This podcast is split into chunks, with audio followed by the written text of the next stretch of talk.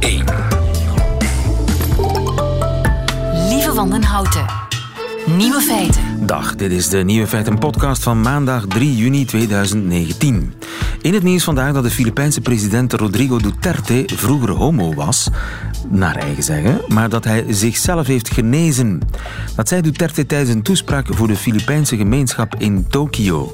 Eerder had hij zijn voornaamste politieke tegenstander, senator Trianes, homo genoemd en nu komt hij zelf met een teen uit de kast. Hij vertelde dat hij zichzelf ook een beetje homo had gevoeld tijdens zijn huwelijk met zijn vroegere echtgenote. Maar toen hij zijn huidige partner ontmoette, werd hij op slag weer een echte man. Mooie vrouwen hebben me genezen. Tegenwoordig haat ik knappe mannen zelfs. Geef mij maar mooie vrouwen. Al dus Duterte. Natuurlijk. Of course. Duterte. De andere nieuwe feiten vandaag. Een gen dat beschermt tegen Alzheimer is gevonden. Alex Visorek volgt in Frankrijk de zaak Vincent Lambert. Herinneringen aan uw moeder zijn manipuleerbaar en je bent je boodschappenlijstje. Dat zegt Tefke van Dijk, die er een boek over schreef. De nieuwe feiten van Johan Terrein hoort u in zijn middagjournaal. Nieuwe feiten. Radio 1.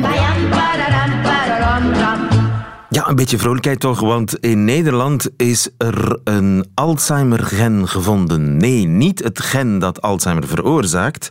Wel in tegendeel. Goedemiddag, Henne. Goedemiddag. Henne Holstegen, geneticus aan de Vrije Universiteit van Amsterdam. Jij hebt dat gen gevonden. Hoe ben je erachter gekomen? Uh, nou, allereerst, we wilden heel erg graag weten hoe het kan dat sommige mensen heel oud worden zonder dementie en anderen op hun zeventigste wel last krijgen van symptomen van dementie. En we wilden eigenlijk ervoor zorgen dat als we dat begrijpen, dat we kunnen leren van, hoe, van deze mensen die dat dus wel bereiken zo oud te worden zonder dementie. En toen is er vorig jaar is er een paper gepubliceerd waarin uh, hele grote groepen Alzheimer-patiënten hadden vergeleken met ja, eigenlijk gewone mensen uit de populatie. Uh-huh. En, de, en daaruit bleek dat er een gen was, of eigenlijk een afwijking in een gen, wat juist heel beschermend zou werken. En toen zijn we verder gaan kijken van, oh, maar is dat dan, komt dat gen dan ook vaker voor bij de 100-plussers die wij aan het onderzoeken zijn? En dat bleek het geval te zijn, dat er een sterke verrijking was van ja, de, de variant van dit gen. Oké, want ja, inderdaad, veel mensen die de 100 halen, hebben totaal geen last van dementie. Hè? Ik had bijvoorbeeld een grootmoeder, die was 100 die had 99 nakomelingen en kon hun namen feilloos opsommen. Die had echt geen spatdementie. Doof, nou, blind, alle mogelijke andere gebreken. Maar uh, haar geheugen, dat was echt perfect. Komt het vaker ja. voor bij 100-jarigen? Nou ja, dat is inderdaad iets wat wij, ook, uh, wat wij ook hadden gezien van hoe kan dat nou? En we zien ook vaak dat het inderdaad binnen families voorkomt. Dus dat er waarschijnlijk ook een erfelijke factor uh, bij betrokken is. En dat wilden we inderdaad gaan aangrijpen als, als om van te leren. Hè? Als het inderdaad erfelijk bepaald is dat sommige mensen ja, zo'n zo, zo geluk hebben om dit zo te bereiken. Wat kunnen we er dan van leren? Ja. En, en, dus sorry? je hebt een soort uh, Alzheimer-beschermingsgen gevonden. Ja, het is zo dat het is een heel uh, uh, um, zeldzame bescherming. Eigenlijk de, de varianten die we vinden is heel erg zeldzaam. En niet alle 100-plussers hebben deze variant, maar wel een vergroot aantal ten opzichte van wat je zou verwachten op basis van de populatie. En dus dit, dit gen verklaart een gedeelte van de reden waarom sommige mensen dus deze, ja, dit, de, deze eigenschap hebben. Hè? Dus extreem oud worden zonder dementie. Ja. En dat is iets heel zeldzaam. Is het iets uh, al, voor de algemene bevolking? Of is dat iets heel typisch ja, Hollands, Europees? Nou, het is inderdaad zo dat de, de variant komt uh, niet voor bijvoorbeeld in uh, Azië. Dus het is inderdaad een, een, een wij hebben vooral gekeken in Europese ja, verschillende studies die in Europa worden gedaan of in Amerika. dus het is inderdaad een bescherming die vooral voorkomt in Europa. Uh, maar het neemt niet weg dat we er wel heel veel van kunnen leren. Hè. Dus we echt, om door naar de extreme te kijken, die zijn zeldzaam. Maar daar kunnen we natuurlijk wel heel erg veel van leren. En is het denkbaar dat dat een nieuwe weg is in ja, de genezing of de voorkoming van Alzheimer? Als je de knop hebt gevonden, de uitknop hebt gevonden, aangezien sommige mensen die uitknop kennelijk hebben, zou je ja. die ook bij mij kunnen aanzetten, de uitknop ook uh, installeren? Nou, dat is precies het doel van het 100-plus onderzoek. Hè, dus dat onderzoek dat naar die 100-plussers kijkt.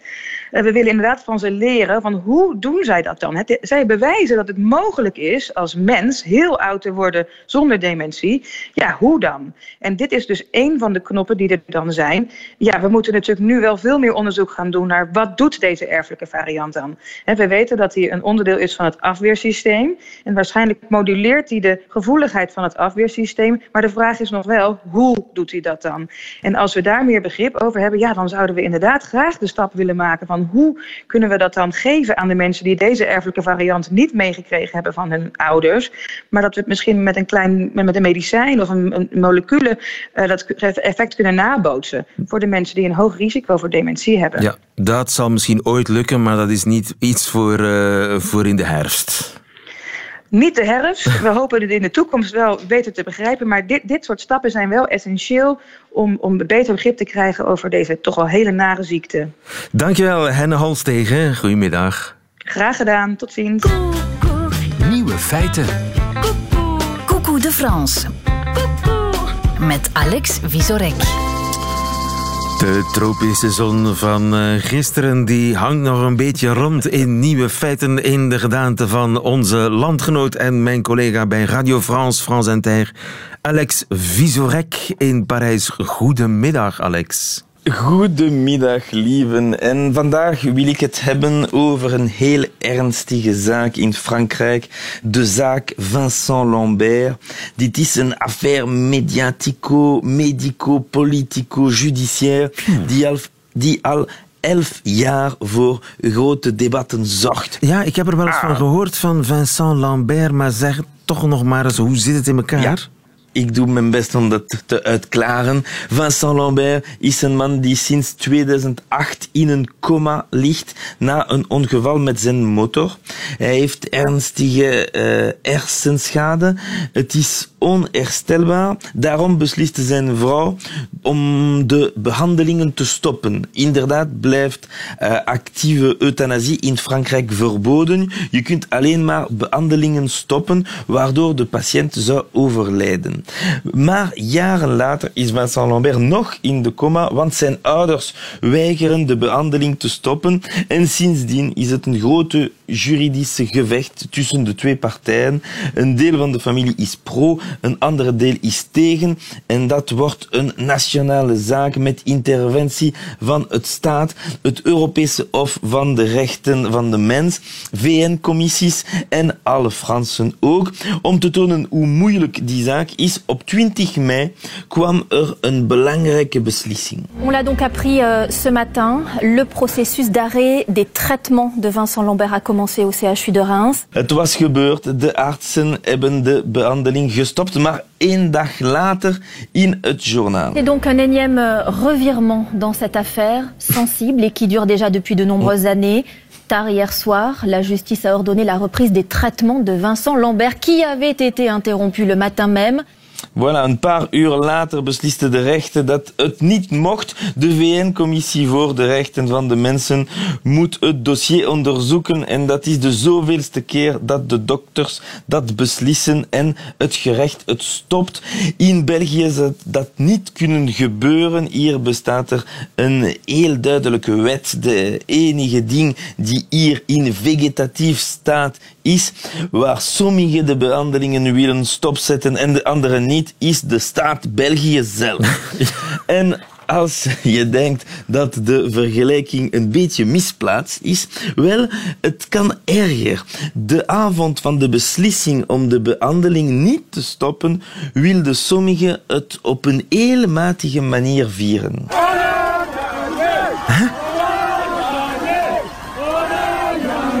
En dit gaat niet over een voetbalwedstrijd. Nee, inderdaad. Ik denk dat het uh, zelfs rustiger was als Frankrijk wereldkampioen werd. Zelfs de advocaat van de ouders Lambert lijkt te denken dat het over voetbal gaat. C'est donc une grande victoire. Ce n'est que la première des victoires. C'est la remontada.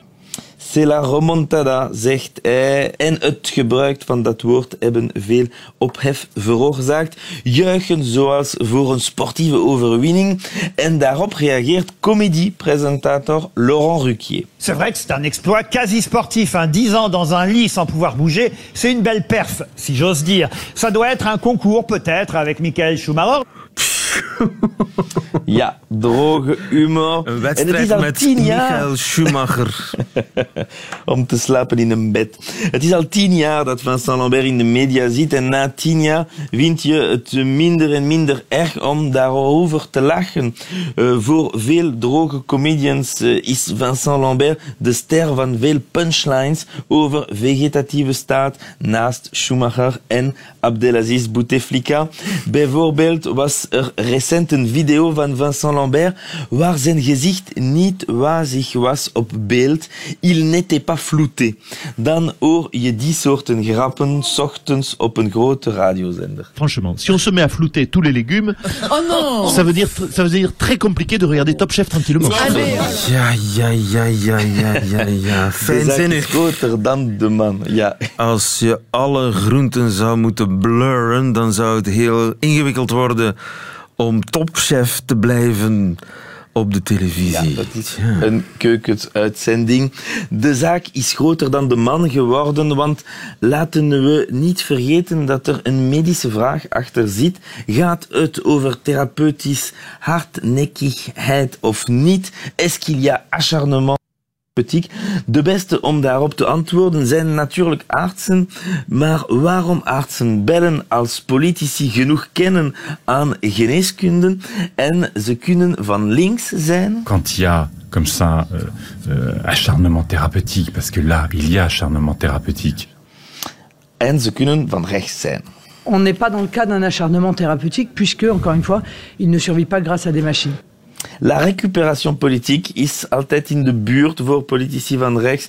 Is er maar één ding belangrijk, het leven. Il n'y a pas de vie indigne d'être vécue et même une vie qui peut sembler inutile, euh, je crois, est une vie profondément humaine.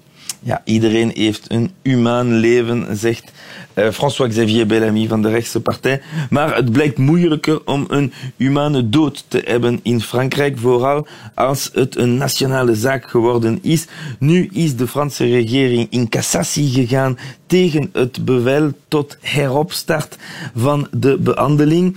Ik weet niet wat de conclusie zal zijn, maar wees klaar voor nog jaren politieke recuperatie, gerechtelijke zaken, droge grappen en heel gevoelige familiesituatie. Ja, eh, Frankrijk in de ban van de kwestie. Vincent Lambert, dankjewel in Parijs voor ons. Alex Vizorek, tot volgende week.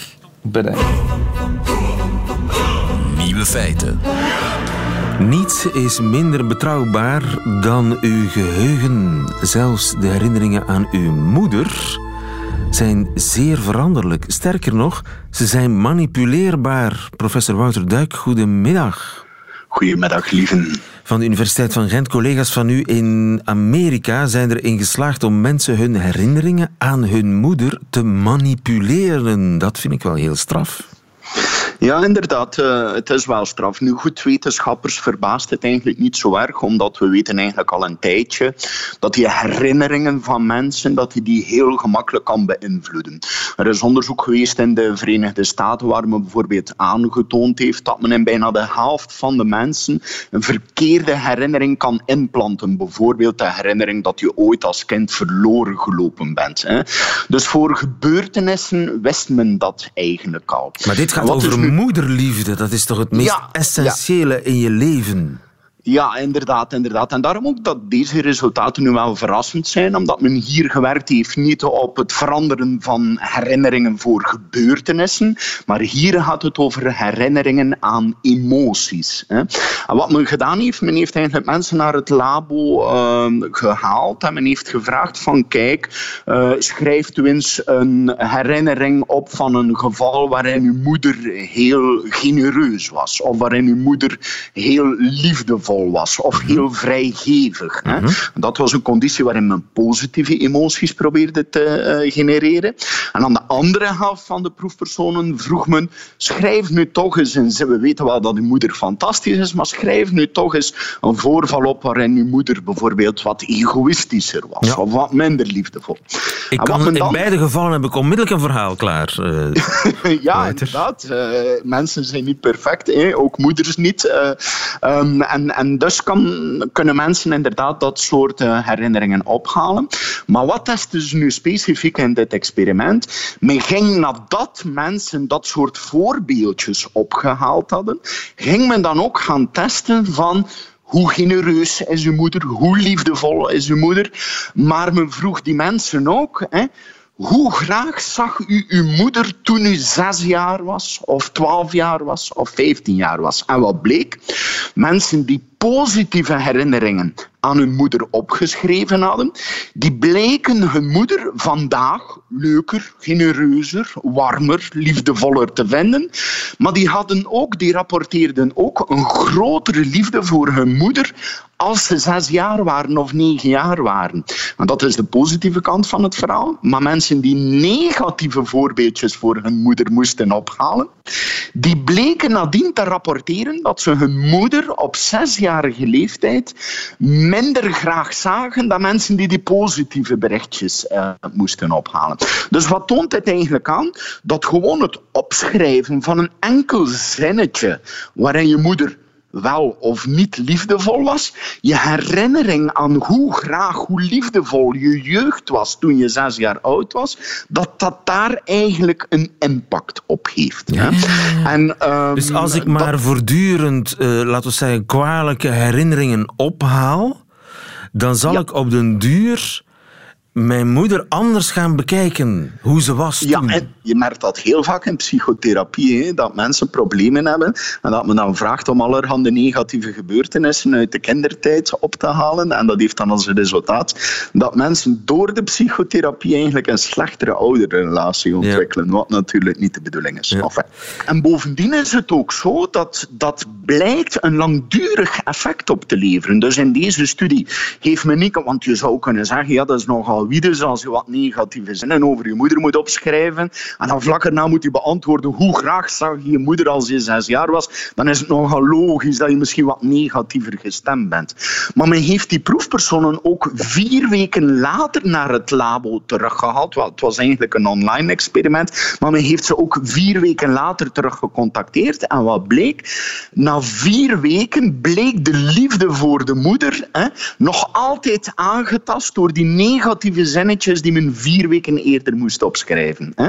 En, en hier gaat het eigenlijk om een paar zinnetjes die al zo'n effect op lange termijn kunnen hebben. En dan kan je inderdaad de vraag stellen, wat u nu aanhaalt, van ja, wat gebeurt er dan in situaties waar mensen inderdaad herhaaldelijk negatieve gebeurtenissen aan iemand moeten ophalen?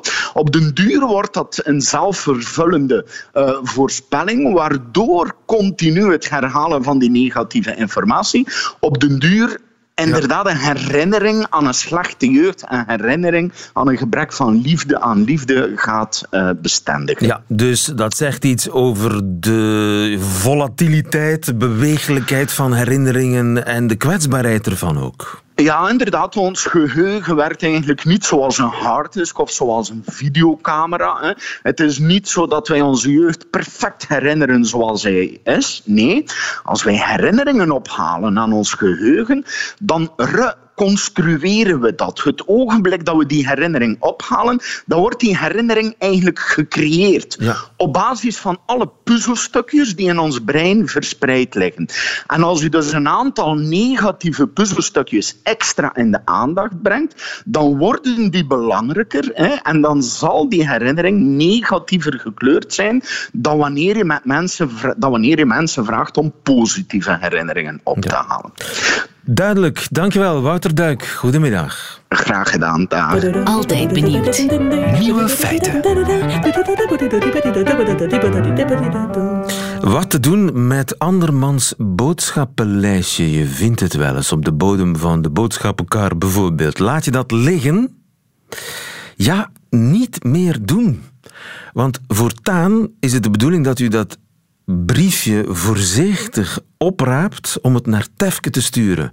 Want Tefke verzamelt dat. Goedemiddag, Tefke van Dijk. Goedemiddag. Je bent boodschappenbriefjesverzamelaar, hè? Ja, ja, dat klopt. En hoe groot is de collectie? Nou, ik denk dat ik er echt wel duizenden heb of heb gehad. Duizenden. Ja. Want je hebt er zelfs een boek van gemaakt. En dat boek heet Wat ik vond in 10.000 boodschappenbriefjes. Dus in jouw boek staat dat je er 10.000 had. Ja, ja, nou, ik heb ze niet exact geteld, moet ik heel eerlijk zeggen. Eh, maar ik heb er inmiddels ook een paar wel weggegeven aan een kunstenaar die er een beeldwerk van wilde maken. Dus uh, ja. Hoe, hoe is dat begonnen? Ja, dat is begonnen met dat ik een boodschappenbriefje vond uh, tijdens een vakantie in Drenthe in Nederland. En ik zat op een camping en ik kwam in een supermarkt om inkoop te doen voor barbecue. En toen vond ik in het karretje vond ik een boodschappenbriefje wat geschreven was op een stukje envelop. En daar stond dus ook een naam op van iemand, Lemstra. En daardoor dacht ik, hey, dit briefje is geschreven door meneer of mevrouw Lemstra. En gaat hij ook barbecuen? En toen keek ik naar de boodschappen die erop stonden. En toen kwam bij mij echt het besef van, ja, dit is gemaakt door iemand. En het is natuurlijk een momentopname. Uh, van iemand uit iemands leven. Maar ja, ik voelde meteen eigenlijk een soort connectie met Lemstra. En uh, nou ja, zo is het eigenlijk gekomen dat ik sindsdien echt ieder boodschappenbriefje koester. Wel. Ja, je komt in contact met iemand die je niet kent en uh, waarnaar je het raden hebt. Ja, ja, en dan probeer ik me een beeld te vormen van hoe zo iemand dan is. Of, of wat voor momenten het in het leven was van die persoon. En nou ja, daar kun je toch wel wat ideeën over hebben. En dat kun je dan afleiden uit het handschrift, uit de kwaliteit van het papier, uit ja, de boodschappenlijst zelf. Ja, ja. Ik, ik, kan er wat, ik kan wat dat betreft van alles aan zien, inderdaad. De soort papier of het handschrift of de, de pen die is gebruikt. En uiteraard ook inderdaad de boodschappen die erop worden gezet. Wat voor soort woorden iemand daarvoor gebruikt. Een, een heel leven schetst zich op zoiets ja, bescheidens als een, uh, een boodschappenlijstje. Ja, en het is ook echt heel persoonlijk. Ik heb ook wel mensen die inderdaad boodschappenbriefjes hebben opgestuurd van hun, het laatste briefje wat was geschreven door hun moeder, die dat inmiddels overleden is. En wat, wat ze dan toch nog vonden in een oude jas. En dat, ja, dat raakte ze dan heel erg. En dan vertelden ze mij het hele levensverhaal van, van uh, vader of moeder. En ja, op die manier kun je ook een heel, heel gesprek ophangen aan, uh, aan zoiets kleins als een boodschappenbriefje. Ja, en in welke winkels vind je de beste? Um, ja, dat vind ik lastig om te zeggen. Je vindt ze uiteraard veel bij supermarkten. Uh, soms op de grond, soms in de karretjes, soms in uh, de mandjes. Um, ga je speciaal op uitkijk? Als je naar de supermarkt gaat, ga je dan eigenlijk nog boodschappen doen? Of ga je eigenlijk vooral zoeken naar boodschappenlijstjes? In het begin ben ik echt heel erg gaan zoeken. Omdat ik inderdaad er gewoon zoveel mogelijk wilde hebben. Uh, inmiddels heb ik er denk ik een oog voor ontwikkeld. Dus ik zie ze altijd gewoon liggen. Mijn kinderen die zijn ook getraind. Dus die zien ze die ook altijd. Uh, mensen sturen ze mij op. Dus ja, ik heb er nou geen, geen gebrek meer aan boodschappenbriefjes.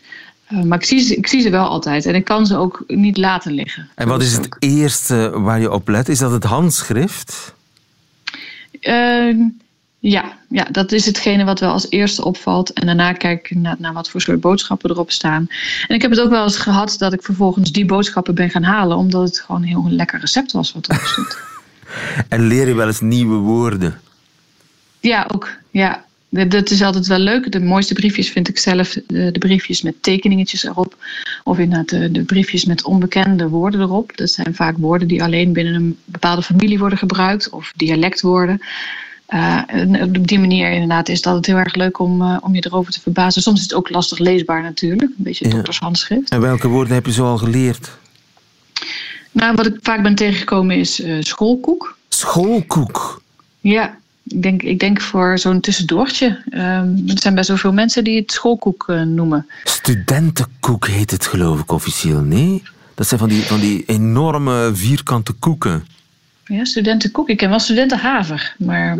Ja, in, in België heb je studentenkoek. Dat zit in okay. van die grijs glimmende pakken. En het zijn ja, ja, knoerten van koeken waar je inderdaad okay. op kunt studeren de hele middag. Ja, nou ja, het zou goed kunnen zijn dat dat dan ook schoolkoeken zijn. Ja. En, en maak je dan een volledig ja, portret van iemand? Um, nou, volledig portret. Het heeft natuurlijk een beetje een horoscoopgehalte, want ik, ik ken de persoon niet. Dus ik weet niet echt of iemand zo is. En ik vind het ook altijd erg leuk als iemand mij benadert uh, dat, uh, die het briefje heeft herkend. Want dan kan ik het een beetje toetsen of het klopt of niet. Uh, maar ik vind altijd wel ergens een haakje um, om toch inderdaad iets over iemand te kunnen zeggen. Of, ja. over het moment of wat, waarom iemand op dat moment die boodschappen nodig had en hoe dat dan is gegaan. En hoe werkt dat dan? Hoe, hoe kun je bijvoorbeeld erachter komen of iemand kieskeurig is of vergeetachtig?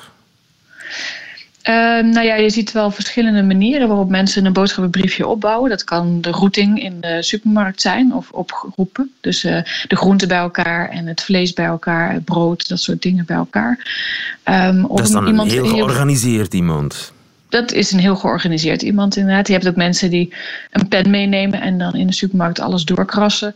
Um, die heel veel op een boodschappenbriefje zetten of heel weinig op een boodschappenbriefje. Het mooiste zijn wel de briefjes in opdracht, dus die iemand voor een ander heeft geschreven. Waarom zijn dat de mooiste? Omdat die vaak heel specifiek zijn. Dus er staat echt op, ik wil uh, pasta saus, maar dan niet die, uh, maar dat van die van dat merk, want anders is hij smerig en die staat in dat schap uh, in zo'n verpakking of in zo'n pot. Ja. dus die zijn heel specifiek omschreven. Heel vaak staat daar ook op wat er niet moet worden gehaald. Uh, de, om toch een beetje te voorkomen inderdaad, dat er weer allerlei producten in huis komen die, die niet nodig zijn. Ja. En, en soms staat het gewoon ook echt uh, omschreven in een hele zin. Dus dat is, ja. En dan zie je dat vrouwtje al sloffen in, in de supermarkt en die dan toch met het foute thuis komt en dan zwaait er wat. Je krijgt ja. eigenlijk de... In... Heb... Ja, zeg maar. Ik heb het idee dat het eerder andersom is. Dat, het, dat de briefjes in opdracht dat het door een vrouw is geschreven voor de man. Maar, ja, dat zou kunnen. Dat zou ook kunnen. Hè? En het is dat, dat gokken dat het zo leuk maakt. Je krijgt uh, inkijk in iemands leven, maar je bent het eigenlijk niet zeker. Ja, ja, klopt. Ja. En het is ook iets wat ons bindt, hè? we schrijven ze allemaal. Ja, in ieder geval wel heel veel. En ik denk inderdaad ook, zeker in deze tijd van digitalisering, uh, gaat er steeds meer digitaal, steeds meer via computers. Maar als er iets is wat nog echt met de hand wordt geschreven, dan is het wel een boodschappenbriefje. Ja. Denk je niet dat ze zullen uitsterven door de komst van de smartphone? Ja, ik ben er een tijdje wel bang voor geweest, maar ik kom er nog steeds heel veel tegen. Um, dus ik, ik, ik, wat dat betreft denk ik wel dat mensen dat gewoon toch blijven doen. Omdat je pakt even een klein stukje papier, een envelop of een notitieblaadje en je schrijft het even op. Dat gaat vaak toch nog wel sneller dan dat echt via de telefoon doen. Of, uh... Ja.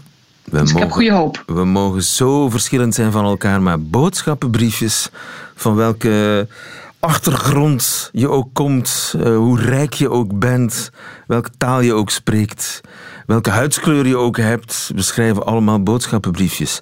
En Tefke van Dijk verzamelt ze, heeft er een boek van gemaakt, Wat ik vond in 10.000 boodschappenbriefjes. Mag ik je hartelijk danken voor dit gesprek. Tefke van Dijk, goedemiddag. Ja, goedemiddag, dankjewel. Wat zijn de nieuwe feiten van 3 juni in het leven van de man die het middagjournaal bijhoudt voor ons deze week? Dat is Johan Terrein. Nieuwe feiten. Middagjournaal. Beste luisteraar. Vanochtend besloot ik in een gekke bui om eens een theetje te drinken. Zo'n dag. Ik heb onlangs zo'n hippe doos cadeau gekregen met bijzondere smaken, waarvan de zakjes kaartjes dragen met uitzonderlijke wijsheden. Happiness lies not in the pleasure, but the joy, staat er dan bijvoorbeeld. Daar kan ik dan geweldig lang naar staren tot mijn blik glazig wordt en ik verder ga met de orde van de dag. Zelfs doorsnee theemerken beginnen nu ook die kartonnetjes aan het andere eind van het theezakje te bedrukken, met vragen die een gespreksonderwerp kunnen opleveren bij het theekransje. Wat staat er nog op je bucketlist bijvoorbeeld? Of wat is het liefste wat je ooit voor iemand hebt gedaan? Het gesprek dat volgt stel ik me dan voor als het gemiddelde kopje thee. Een flauw aftreksel. Vandaag lees ik op het kartonnetje de vraag: wat zou je nu echt willen? Mijn blik valt op het accent aigu dat bovenop de echt prijkt. Het accent doet vermoeden dat tussen alles wat je wil er ook nog iets moet zitten dat echt is. Dat ene ding waarvoor je alles over hebt, dat je in staat stelt om bergen te verzetten. Al die andere dingen die wil je wel, maar nu ook weer niet zo. Maar dat ene ding, jongen, dat wil je echt met een accent aigu. Dat wil je zo hard dat je er voor zeker ooit de juiste motivatie voor zal vinden om het te bereiken. Nu misschien nog niet, maar ooit wel. En dan, dan staat er op de dan een accent grave. Ik bedenk mij dat de dingen die je echt wil zich altijd nu afspelen, dat je daarvoor niet hoeft te wachten op motivatie. Dat het een kwestie is van kiezen en beslissen. Als je wacht op de motivatie om ervoor te gaan, dan druk je eigenlijk een soort van snoesknop in. En een snoesknop, beste luisteraar, dat weten we allemaal, verkleint de zin om op te staan in plaats van de goesting om de dag aan te vatten te vergroten. Een snoesknop belooft slaap, maar biedt enkel wat sluimerend respijt. En dat doet de vraag: wat zou je nu echt willen eigenlijk ook? Het verplaatst de aandacht weg van hoe geweldig het hier en nu is en het doet verlangen naar echtheid die er nog niet is, terwijl we er middenin zitten. Ik las het kaartje nog eens. Wat zou je nu echt willen? En ik knikte dankbaar. Ik goot de thee door de gootsteen en mompelde: koffie.